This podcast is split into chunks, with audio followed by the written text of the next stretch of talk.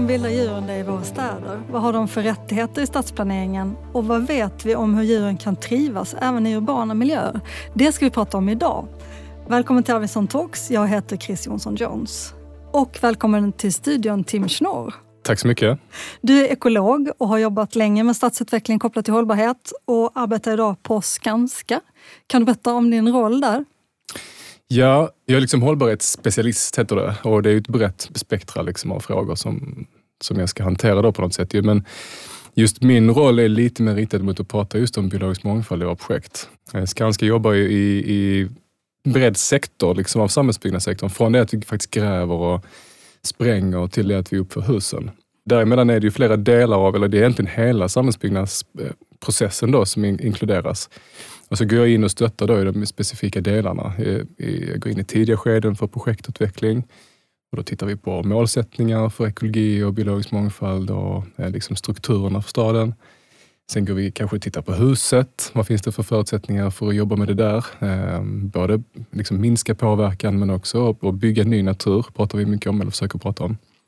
Och sen när det gäller då anläggningar och mer storskaligt liksom, schaktarbete och sådär, då, då försöker vi alltid hitta okej, vi ska göra den här grävningen eller så, men vad är det då, vad kan vi lägga till när vi är klara på slutet? Vilken typ av biologi eller biologisk mångfald kan vi då skapa på den här platsen? Mm. Det spänner alltså från strategisk nivå till väldigt så detaljrik mm. nivå. Och när man jobbar med ekologi i stadsplanering idag, vilka frågor är mest akuta? Det är ju konflikten att man använder mark skulle jag säga. Det är ju den, hur mycket mark ska vi ta? Vilken mark ska vi använda? Eh, vad finns det för värde på den? Eh, vad ska ha företräde? Den ekologiska värdet och den biologiska mångfalden på platsen eller vårt då intresse och, och eh, behov av exempelvis bostäder i min eh, bransch. Då. Det tycker jag liksom, det är den som är den stora brännande konflikten. Mm. Eh, man jobbar sig ner då så att vi ska bygga de här och så, vi går in i projektfas. Då tittar man ju väldigt mycket på, ja men vad kan vi nu göra då? Nu har vi bestämt oss för att bygga. Vad kan vi göra nu för att faktiskt ge någonting tillbaks? Kan man säga. Och det, det kan handla om lite olika nivåer på vad det är man vill ge tillbaks. Och så, men det är väl de två sakerna som vi jobbar mycket med. Mm. Om vi då ska gå över till temat för det här avsnittet, hur de vilda djuren har det i staden. Vad säger du om det Tim? Vad har djuren för rättigheter i stadsplaneringen? Och vilken svår fråga. Alltså, vilka rättigheter de har. Kanske lite grann på vilken, vilket etiskt perspektiv man, man själv har så att säga.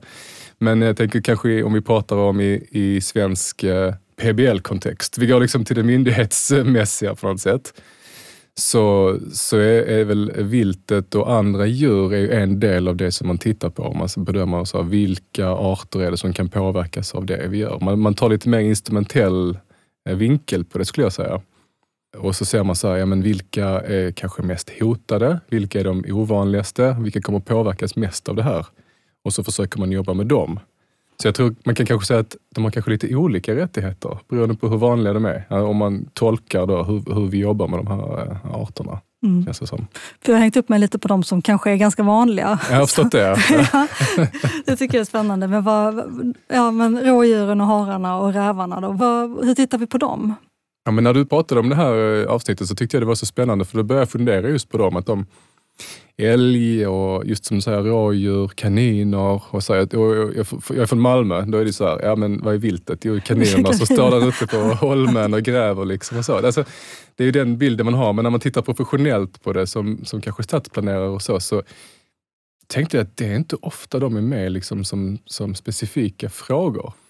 Vi tittar ju ofta på väldigt specifika arter, de hotade arterna. Vi pratar om så här, fåglar, hur sitter de ihop? Hur kan de förflytta sig i stan? Och Groddjur är en stor sak. Hur kan de förflytta sig och så. Men rådjur och annat vilt och så, det, när vi jobbar i, i, vägprojekt är det såklart en stor grej. För vägarna är sådana stora barriärer liksom genom och, och då är ju, det är ju deras domäner då, viltet. De rör sig ut i de stora skogsområdena och ängsmarkerna eller så. Det, där är de. Men när vi rör oss inåt stan, tänker man sig nog att stan stoppar lite. Att de, de kanske inte kommer så långt. Och då kanske inte vi tar så mycket hänsyn till dem heller i själva planeringen eller när vi tänker kring stan och vilt på det sättet. Just den typen av vilt, för mm. fåglar är ju är mer mm. med i, i, det vi tänker på. Eh, och Ofta så, så är det det att man pratar om, ja men hur kan de här djuren röra sig i landskapet? Det är ju oftast fokus.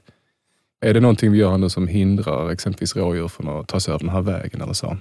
Och så jobbar vi specifikt med den frågan kanske. Mm. Eh, men inne i stan så är det ju oftast trädgårdarna då. De kanske rör sig från trädgård till trädgård eller så stöter vi på dem längs med något vägavsnitt. Och, och här i Stockholm är det ganska vanligt att de dyker upp i trädgårdar och eh, på gårdar och sådär. Liksom, eh, och då, då kanske man blir lite så, ja men är det bra? Finns det en fara att de rör sig i trafikmiljö? Alltså att det är kanske den typen av frågor som dyker upp kring mm. de här djuren. För, för om vi tittar på, särskilt på vilda däggdjur så vet vi egentligen ganska lite om hur de, hur de har det då i urbana mm. miljöer. Hur många de är vet mm. man inte så jättemycket om och var de håller hus och hur vi kan jobba med eller mot dem. Vi ska nu lyssna på Fredrik Widemo som är forskare på Sveriges lantbruksuniversitet och bland annat har studerat kommunal viltförvaltning och ekosystemtjänster och otjänster från vilt.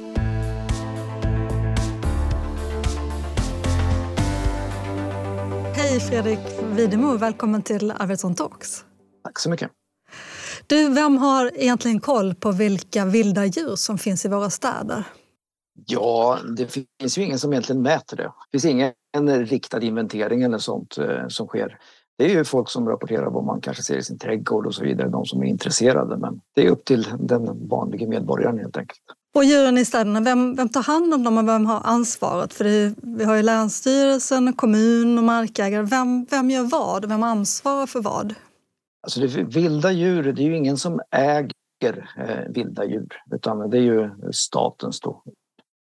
Men vill man göra någonting så kan det ju då krävas eh, att man helt enkelt känner till lagstiftningen.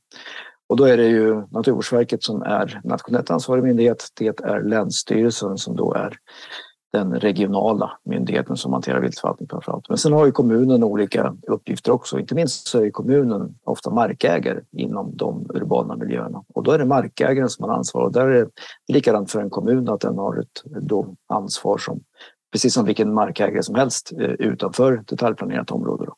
Är det skillnad på eh, storstadsområden och glesbygd hur man ser på viltvården? Ja, men så är det absolut. Eh, det är väldigt tydligt så att där vi har mer tätbefolkade områden, där har man i större utsträckning samhällsmedborgare som uppfattar att det finns någon form av problem. Men det kan ju vara gäss eller det kan vara vildsvin eller det kan vara grävlingar under huset eller något sånt där.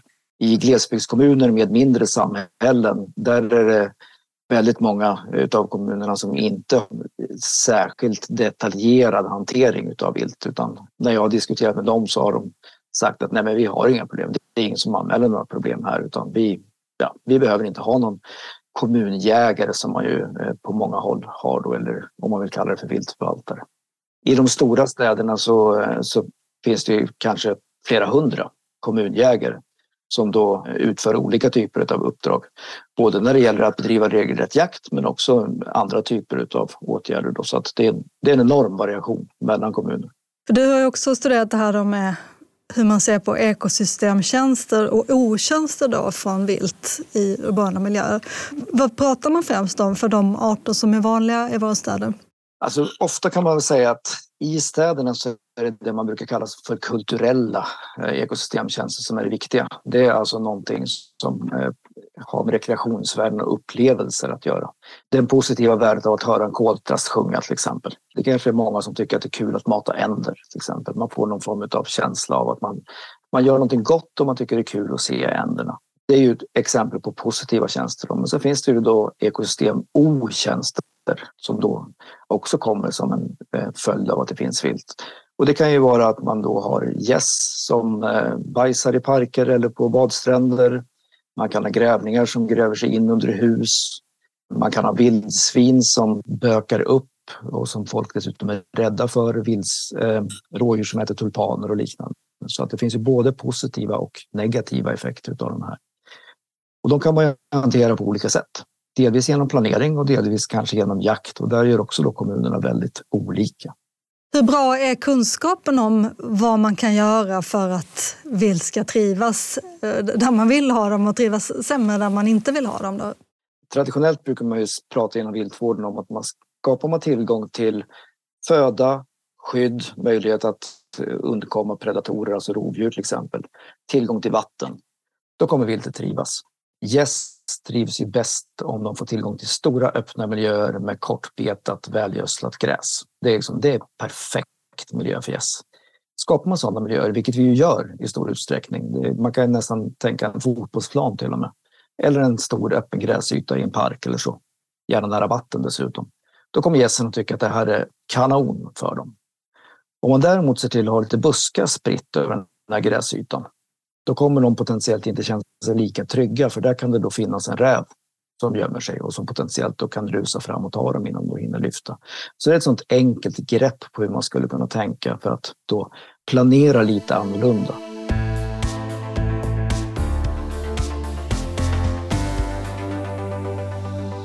Ekosystem-otjänster var nytt som begrepp för mig. Vilka otjänster stötte du på i ditt arbete? Ja, alltså det är klart att det är det här med att viltet på något sätt äter upp någonting. Man, liksom, att det tar bort något som vi, vi som människor eller som boende någonstans kanske har satt upp. Eh, eller att det hindrar eller minskar produktionen av andra av um, skogsproduktionen exempelvis. Det gnags ner i olika saker. det är kanske de två tydligaste, jag tänker på direkt. Ja. Det här som Fredrik Wiedemann pratar om, att med hjälp av stadsplaneringen bättre styra djuren till där man vill ha dem. Hur, hur funkar det, skulle du säga? Ja, men jag tycker det är jätteintressant. Jag tycker det är jättebra saker att lyfta upp. Jag tycker han, han beskriver det så bra också, att det liksom är att det är med ganska små medel som man kan styra och det där är allting som jag tjatar om alltid ju, vad gäller ekologi och så. Att bara du förstår ungefär mekanismerna så är, behöver det inte kosta så mycket pengar, det behöver inte vara så svårt, det kan bli fint. Oftast är det bara att man ska ha en medveten gestaltning som handlar omkring detta. Och just det där med, med gässen då, det har ju, jag jobbade ju nere i Lomma tidigare och där var ju det ett jätteproblem. Ja. Vi hade ju en viltplan och en viltförvaltning som handlade väldigt mycket om att just minska eh, gässens påverkan på badstränderna exempelvis. Det är en annan otjänst ju, i mm. form av det mm. spillning som finns överallt och så är det även i Malmös parker på något sätt. Och om det skulle kunna vara så lätt så att man satte några buskar så hade det varit fantastiskt. Jag är kanske inte övertygad om att det är så lätt i praktiken. För det, det är ju alltid en, en, avvägning mellan olika intressen när vi, när vi planerar. Och det får man ju lära sig snabbt när man kommer in på stadsplanering. Att, ja, okej, okay, du vill ha det här för den biologiska mångfalden, men vill också ha ett annat perspektiv och det är att människor ska kunna sitta på den här platsen eller de ska känna sig trygga eh, i den här miljön som det rör sig, eh, som kanske motverkar. Och så blir det plötsligt en, en diskussion om vilket intresse som ska få företräde ju. och en, en avvägning. Men på det stora hela så tänker jag att eh, många av de problemen vi kanske har med för mycket vilt, eh, det handlar kanske om att vi har förmänskligat miljöerna. Just som man är lite inne på, att så här, stora ytor med gräs är ju inte så naturligt i sig. Så om man skulle gå över till vad vi då förespråkar ofta handlar det om att man ska man brukar prata om biofilia, att staden som en organism eller staden som ett ekologiskt system, att man återgår till det. Då hamnar ju de här sakerna lite mer i, i oftast i mer, mer, balans. Så även viltet, då blir det ju naturligt så att det kanske finns fler predatorer eller fler hot. Eller så mm. så det är liksom ett sätt att jobba med det här aktivt i gestaltningen av staden. Mm. Tänker. Mm. Kan man säga att biofilia ger utrymme för att djuren får ta större plats, att viltet får en annan roll i våra städer?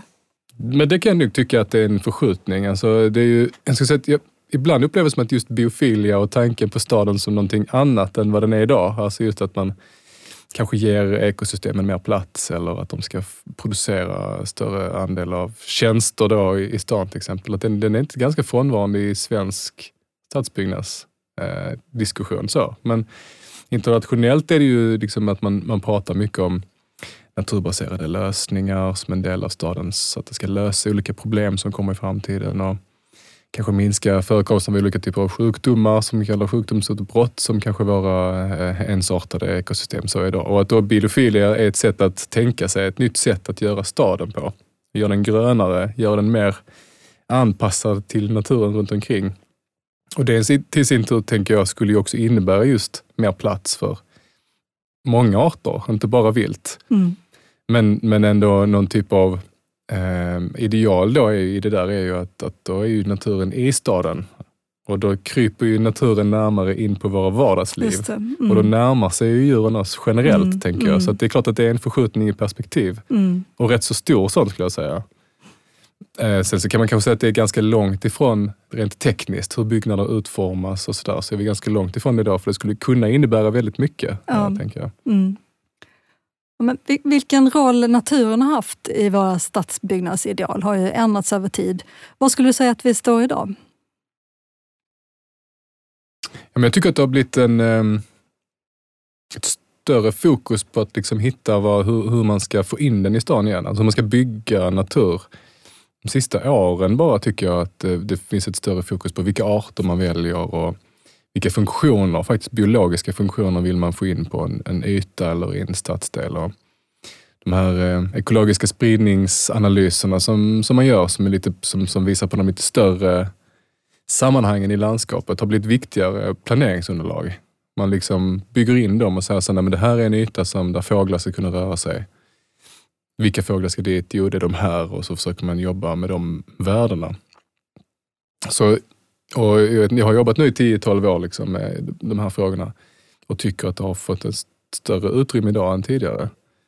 Och jag tycker också att det blir kul för eh, tittar man på lite strömningar i ja, men, Köpenhamn eh, och i Danmark, de har ju en, en årlig konferens som handlar om eh, biodiversitet i det byggda miljön exempelvis. Som inte jag har sett innan och, och, och en sån nischad eh, konferens tyder på att det ändå finns ett ganska stort intresse mm. kring frågan just idag. Mm. Hur påverkar det gestaltningsmässigt? Det är två professioner egentligen som har lite olika ideal. Det är kanske ofta landskapsarkitekten som, som står för den gestaltningsmässiga biten och ansvaret och så. Sen så ofta så vi ekologer kanske säger, ja men vi kanske vill ha in den här funktionen eller det här värdet och sådär och då kan det ju förskjuta lite grann uttrycket såklart. Mm. Ofta så vill man kanske ha fler skikt. Alltså vi brukar prata om så här, flerskiktade miljöer är bättre än enskiktade. Det vill säga alltså, gräs och träd eh, ger en viss nivå av biologisk mångfald men gräs, eh, blommande örter, buskar och sen träd ger ju mycket mer biologisk mångfald. Men det där gör också plötsligt så ser det kanske ut som ett, ett buskage. Ja, ja. Alltså då, då, då, blir det ju det att man liksom härmar ett buskage på något sätt. Och hur gör man det då gestaltningsmässigt? Mm. Och det, då är, får man ju brottas lite med det skulle jag säga. Mm. Mm. Vissa saker är lättare, att man väljer vissa typer av arter. Det kanske inte förändrar uttrycket lika mycket.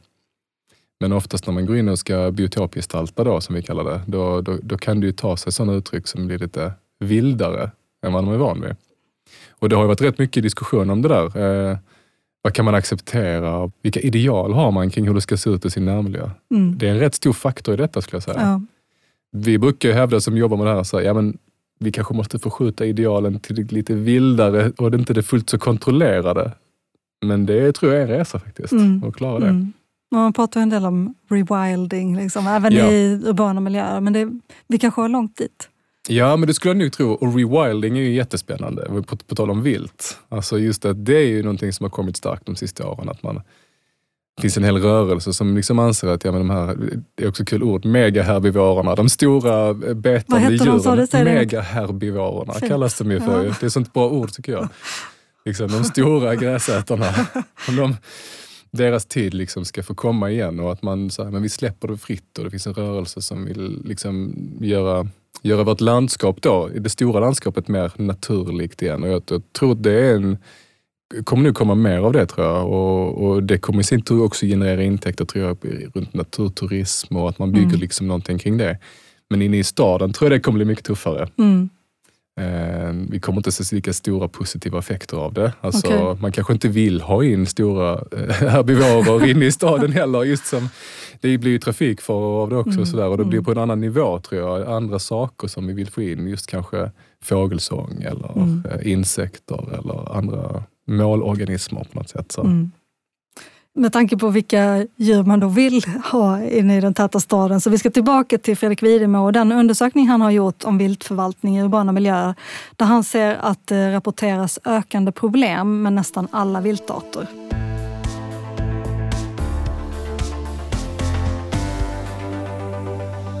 Men hur ser det ut då för vilt i stadsmiljöer? Blir det mer vilt eller mindre vilt? Eller hur ser det ut? det finns ju arter som ökar i huvudsak i städerna och det finns de som ökar generellt. Och ökar de generellt och de hanterar en mer bebyggd miljö så kommer de att sprida sig även in till städerna om man inte förhindrar det då på något vis förstås. Så att i den undersökning som jag gjorde så, så nästan alla viltarter som jag tog upp där rapporterar man ju ökande problem med.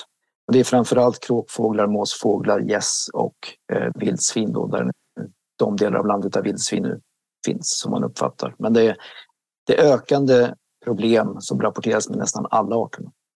I den allt tätare staden, blir det liksom mer konflikter med, mellan människor och vilt? Eller hur upplever man det, att man har vilda djur i sin närhet? Ja men så är det absolut. Dels finns det mer människor där man ju då tycker olika som människor förstås. Där några då kommer att bara kanske ha en lägre tröskel för vad man accepterar. Blir det sen mindre miljöer så kommer också de, när nu djuren har etablerats in i stan, krymper miljöerna så kommer de inte nödvändigtvis flytta ut därifrån. Fåglar rör sig relativt lätt men däggdjur gör det inte lika lätt.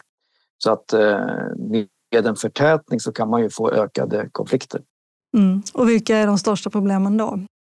Ja, det, beror ju, det beror i väldigt stor utsträckning på hur miljön ser ut och om man har, eh, har någon form av åtgärder som kan minska problemen. Eh, då. Det går ju att flytta parkeringsrutor till exempel så att man inte har parkeringsrutor under träd där kajer sitter. Med en del sådana eh, praktiska grepp så kan man ju minska konfliktnivåer utan att behöva ta till regelrätt jakt. Finns det um, samtal inom stadsplaneringen att skapa bättre miljöer för för vilda djur och för att, de ska, att man ska ge dem en större plats? Jo, men det tror jag nog det gör. Eh, till exempel att eh, man kan sätta upp fågelholkar, man kanske anlägger dammar där man kan tänka sig att man kan få olika typer av fåglar som då eh, är, eh, gärna lever nära vatten.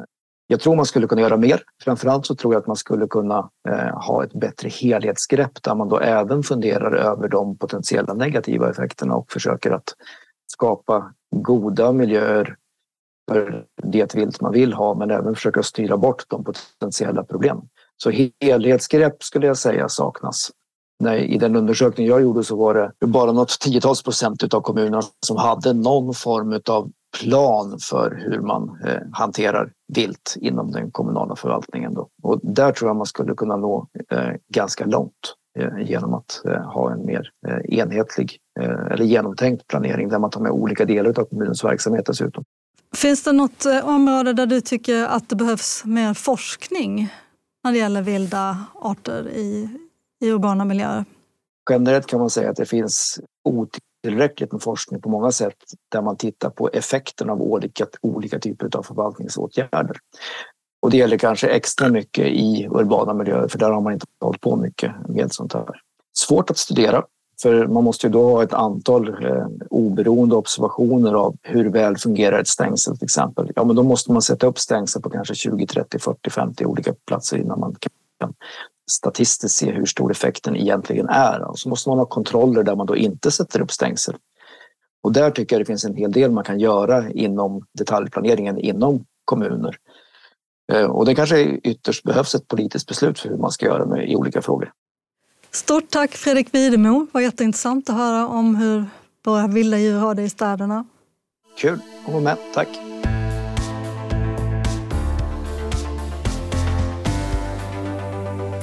Tätare städer leder till mer konflikter mellan människor och djur, berättar Fredrik Widemo. Känner du igen det Tim? Ja, jättemycket. när jag jobbade just nere i Lomma då, så jobbade vi en liten viltplan och det var ju väldigt mycket klagomål på Eh, ja, men mycket fåglar som rör sig i närheten av restauranger och eh, gäss som bajsar på stränder eller vad det nu kan vara för någonting. Och att det är liksom en, en eh, jag vet inte, det blir någon typ av oro och ängslighet kring de här också arterna när de kommer för nära och mm. man inte vet vad som är bra och dåligt. Är det farligt? Är det inte farligt? Mm. Jag känner mig osäker och så. Ja, men Fredrik Widemo nämnde också när vi pratade före intervjun att konflikter eller rädslor inte alltid är helt rationella. Som att vissa är väldigt rädda för vildsvin fast det egentligen inte finns några vildsvin i deras närhet. Varför tror du det blir så?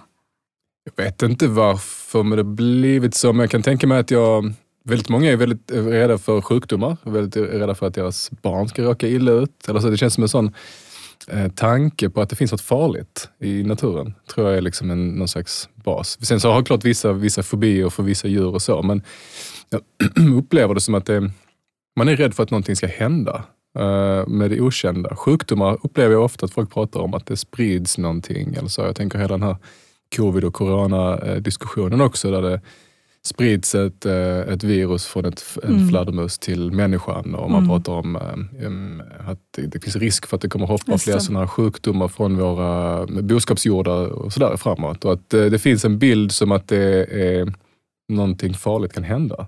Jag tror att det, det återspeglar sig också i, i folks vardag på något sätt. Mm. Och vildsvin just, där är ju, det är ju så, kanske också väldigt kopplat till rent eh, minnen, kulturhistoria eller så, att folk har ju råkat illa ut. Och, och då blir det liksom en osäkerhet kring det. Och, eh, det, det etsar sig fast på något sätt i, i folks medvetande eller tankar kring djur. Mm. Och sen är det ju, jag tänker fåglar, ända sedan man var liten, det är fågelspillning, det kan innehålla salmonella och så här, det finns, finns riskmoment i detta hela tiden som folk påminns om, tror jag. Mm. Som gör att det, det, är svårt att förhålla sig till att det är kanske är en vacker fågel som sitter och tittar på dig och, och en, en kaja eller en korp som sitter vid din eh, utesväng eller din restaurang. Det är kanske några av de mest smarta djuren vi har runt omkring oss. Men man ser bara just risken Mm. med att någonting skulle hända med dem. Mm. Men den risken är inte helt irrationell då heller, för det blir ju också ändå, vad jag förstår, mer större risker ju tätare vi lever med djuren. Absolut. Så är det ju.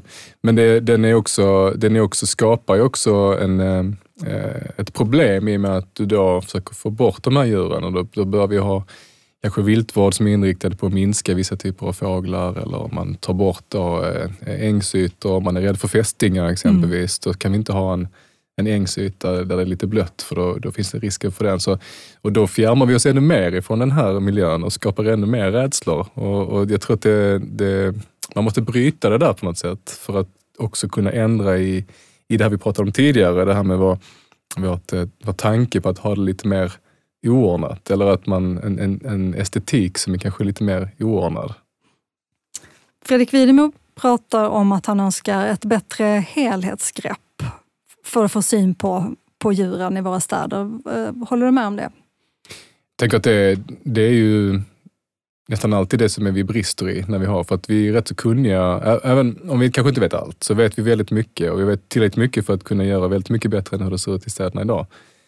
Ehm, det finns flera saker som brister tycker jag. Den första handlar om så här, vad, vad vill man strategiskt? Vad vill, vart vill vi liksom med det här? Hur mycket djur ska det finnas? Eller man måste prata om sådana saker. Vad är, vad, är det vi, vad är det för kvaliteter vi vill se i vår urbana miljö? Och då är det ju en del av, då, om vi pratar kommunen specifikt, som har hand om det. Och sen så går man in i en planerande del som är mer på platsen och då ökar ju antalet intressen. Och då blir det ju så, VA-personerna ska tycka till om dagvatten och trafik har ju väldigt stort eh, fokus liksom på de här grejerna. Eh, så när vi går ner då och, och börjar planera kanske ett kvarter eller så, och då kommer det ju fler intressenter. Just man pratar om kanske de tekniska förvaltningarna eller genomförandet eller sådär. Då blir det ju väldigt svårt att, eh, att var och en ska hävda sitt intresse och sin yta och vi brukar prata om så här multifunktionalitet, att vi ska lösa allting på, på egentligen en mindre yta än, än vad man kanske hade tidigare för att vi ska också bygga. Så det kräver ju jättemycket samverkan mellan alla de här aktörerna för att få till det. Och vad jag också lärt mig genom åren med att just jobba med biologiska värden är att det kan vara svårt att förklara vad det är man faktiskt behöver. Alltså det kan vara svårt att förmedla, för det är, det är ju enskilda arter som har olika typer av behov. För någon som sen bygger en park eller något sånt så tänker man så här, ja men vi bygger en park och vi har de här funktionerna, det blir väl jättebra. Men det kanske inte blir det för alla de här arterna som vi har velat gynna. Utan man måste vara med egentligen hela vägen ner till genomförandet. Det är ju det som jag har liksom behövt tjata mig till genom alla år. Att vi måste ha planen först, men vi måste också följa det hela vägen ut. Mm. För vad kan hända annars? Vad är det man tappar? Ja, men då tappar man kanske just så här att du byter ut den där busken som vi har sagt, den är väldigt viktig för att gässen inte ska känna sig så trygga. Om nu det som vi, som vi pratade tidigare. Så sätter du kanske en skir, vacker buske istället. Och den kanske inte alls ger samma eh, känsla för gässen. Och då tappar man ju, även om man har, tror att man har gjort någonting då, så har man kanske inte lyckats med det som man faktiskt ville åstadkomma. Mm. Och det tycker jag man ser ganska ofta. Mm. Och, och då är det oftast kanske i slutskedet att när man genomför eller bygger så kanske inte man har full förståelse för varför är det så viktigt? Den här, kan vi, vi kan väl lika bra ta den här busken eller någonting annat. Eh, och det är svårt för en enskild eh, eh arbetare eller någon som bygger på platsen att veta att det här är så viktigt. Så därför så måste man hänga i hela tiden i de här sakerna. Mm. Ja, för du säger att man, vi vet egentligen vad som krävs, men det handlar om att det ska trilla ner hela vägen i kedjan och kanske även landa hos oss som ska gå runt där i den där parken. Tror du att det är viktigt att vi ska förstå varför miljöerna ser ut som de gör? Jo, men det tänker jag att det, det är som vi, som vi pratade om innan, att det, det handlar om liksom ett uttryck och, och sådär. Och, och jag tror att i, ibland måste man jobba med att förklara eh, att så här, det här är bra för att, med skyltar och sådär. Men ibland så kan det vara svårt också för, för det, Ibland känner jag som att man, man ska ha skyltar överallt eller man ska sätta upp saker och ting överallt och det ska vara så pedagogiskt hela tiden. Så att eh, ibland så handlar ju mitt jobb om att sätta upp skyltar känns det som. Och då, då är det så här, men det är inte det här, det är inte där jag vill vara. Liksom. Jag vill vara att vi ska, vi ska genom att vi skapar eller bygger så snygga platser, att man trivs på den här platsen, att man omedelbart upplever att det är någonting positivt också för människor. Det är liksom mitt mål, tänker jag egentligen. Så jag tror, ja, det är väldigt viktigt att informera och speciellt om man bygger exempelvis en gård eller eh, som vi då eh, eh, säger, eh, någon köper eller vill bo den, på den platsen som vi bygger. Och så, så har vi lagt ner jättemycket pengar och energi kanske på att bygga någonting som vi tror är bra för den biologiska mångfalden. Då har vi ju ett ansvar att förmedla det och säga så här att ni har fått kvaliteter här. Eh, vi kan inte ta hand om dem nu utan det är ni som kommer vara boende här. Men det här är vad ni har fått och så här skulle ni kunna ta hand om det. För det känns jätteviktigt att de har förståelse för. Men jag tror också det är viktigt att vi, att vi jobbar med uttrycken för det här. Så att det känns som att det är det man vill ha. Mm. Hur mycket vet man om hur man påverkar över tid? Alltså när man eh, bygger på en plats som kanske var någon naturmark tidigare. Finns det exempel på när man följer upp över lång tid och ser vad som hände med de arterna som levde där tidigare? Om du har fått villkor eller så, alltså om, du, om det är någonting i ditt projekt som är reglerat enligt miljöbalken, då kan man få ett villkor på att följa upp. Det gäller ju framförallt skyddade arter, mm. om man har gjort nya åtgärder för dem och så. Men om man tänker sig ett projekt som vi har gjort och byggt och eh, vi tycker att det är har vi byggt in någonting för biologisk mångfald så är det ju skulle jag säga, extremt sällan som man faktiskt följer upp och tittar på det. Eh, vi har gjort det i något fall och då är det egentligen att man skulle vilja göra det kanske i, i form av när man gör annan typ av besiktning på platsen eller mm. i projektet och sådär. Och det är ju första steget tänker jag, att få mm. med biologin i de här stegen som faktiskt redan finns. Men sen efter det så kommer det ju släppas. Sen är det ju upp till de som bor på platsen att ta hand om det. Eh, och jag, det där skiftar nog jättemycket men jag skulle tro att många saker har nog försvunnit längs vägen. Mm. För just det här att man vill kanske ha mer eh, gräsyta eller man vill kanske ha en ny grillplats eller att den typen av funktioner tas tillbaks eller att man mm. liksom lägger till dem istället. Mm. För det är inte så lätt att veta heller vad det är som gynnar den biologiska mångfalden för, för enskilda eh, personer. Det, det är liksom en profession i sig. Ja. Vissa saker kan man enkelt säga, ja, men ha mycket blommor eller sådär. Men men det, jag tror att det är svårare i praktiken än vad man kanske tänker sig. Mm. Men har, har, du något exempel på något projekt som är riktigt bra, som du själv har varit med och jobbat med eller som du inspireras av? Jag inspireras ganska mycket av det här. Det gick ett, ett program på SVT, ett danskt program som handlade just om synen på ängsmarker. Det var han, eh, han den så kallade Bonneröna, ja, ja. som hade ett program som handlade just om, om biologisk mångfald.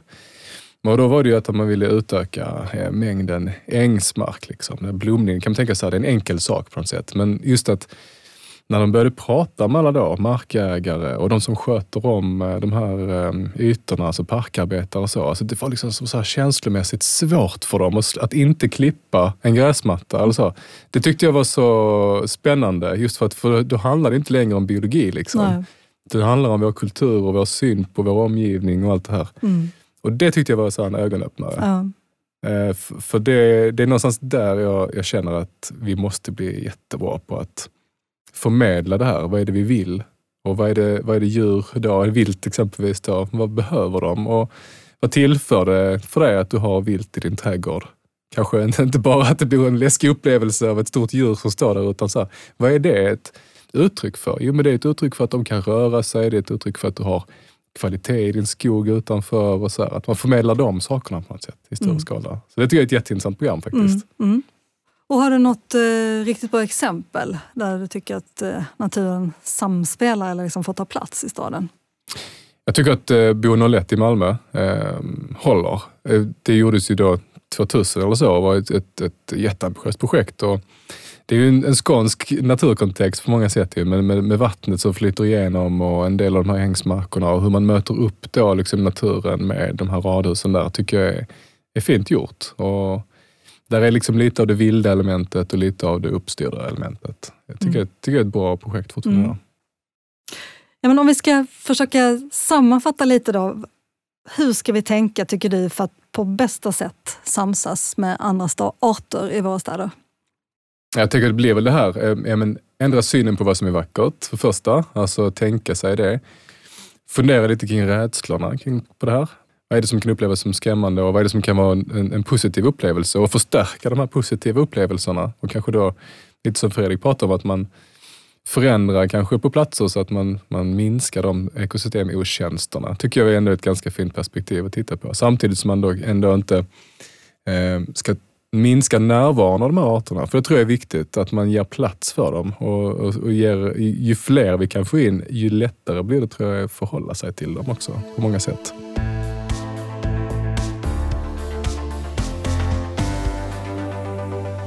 Tim, du gav oss ett eh, tv-tips. Det var jättebra. 100% bonde, eh, Ge oss naturen tillbaka, heter hans program. Eh, om hur man kan tänka kring ängsmarkerna. Och jag ville tipsa om en bok som har inspirerat mig, som har lite av de här sakerna som jag tyckte var väldigt kul, som heter Darwin comes to town. How the urban jungle drives evolution. Eh, om hur vilda arter anpassar sig till stadsliv. Den är skriven av en eh, evolutionsbiolog som heter Menno Schitthuysen. Känner du till den? Nej, jag faktiskt inte. Den är väldigt, det är spännande i alla fall hur de ja, helt enkelt rent evolutionärt anpassar sig till att bo i staden. Olika arter. Eh, mer information om de medverkande och lite länkar hittar du på arvidssonstiftelsen.se. Stort tack Tim Schnorr för att du kom till studion. Jättespännande att höra om ditt arbete. Tack själv, det var jättetrevligt att vara här. Tack också ni som har lyssnat. Vi hörs snart igen. Hej då! Hej då!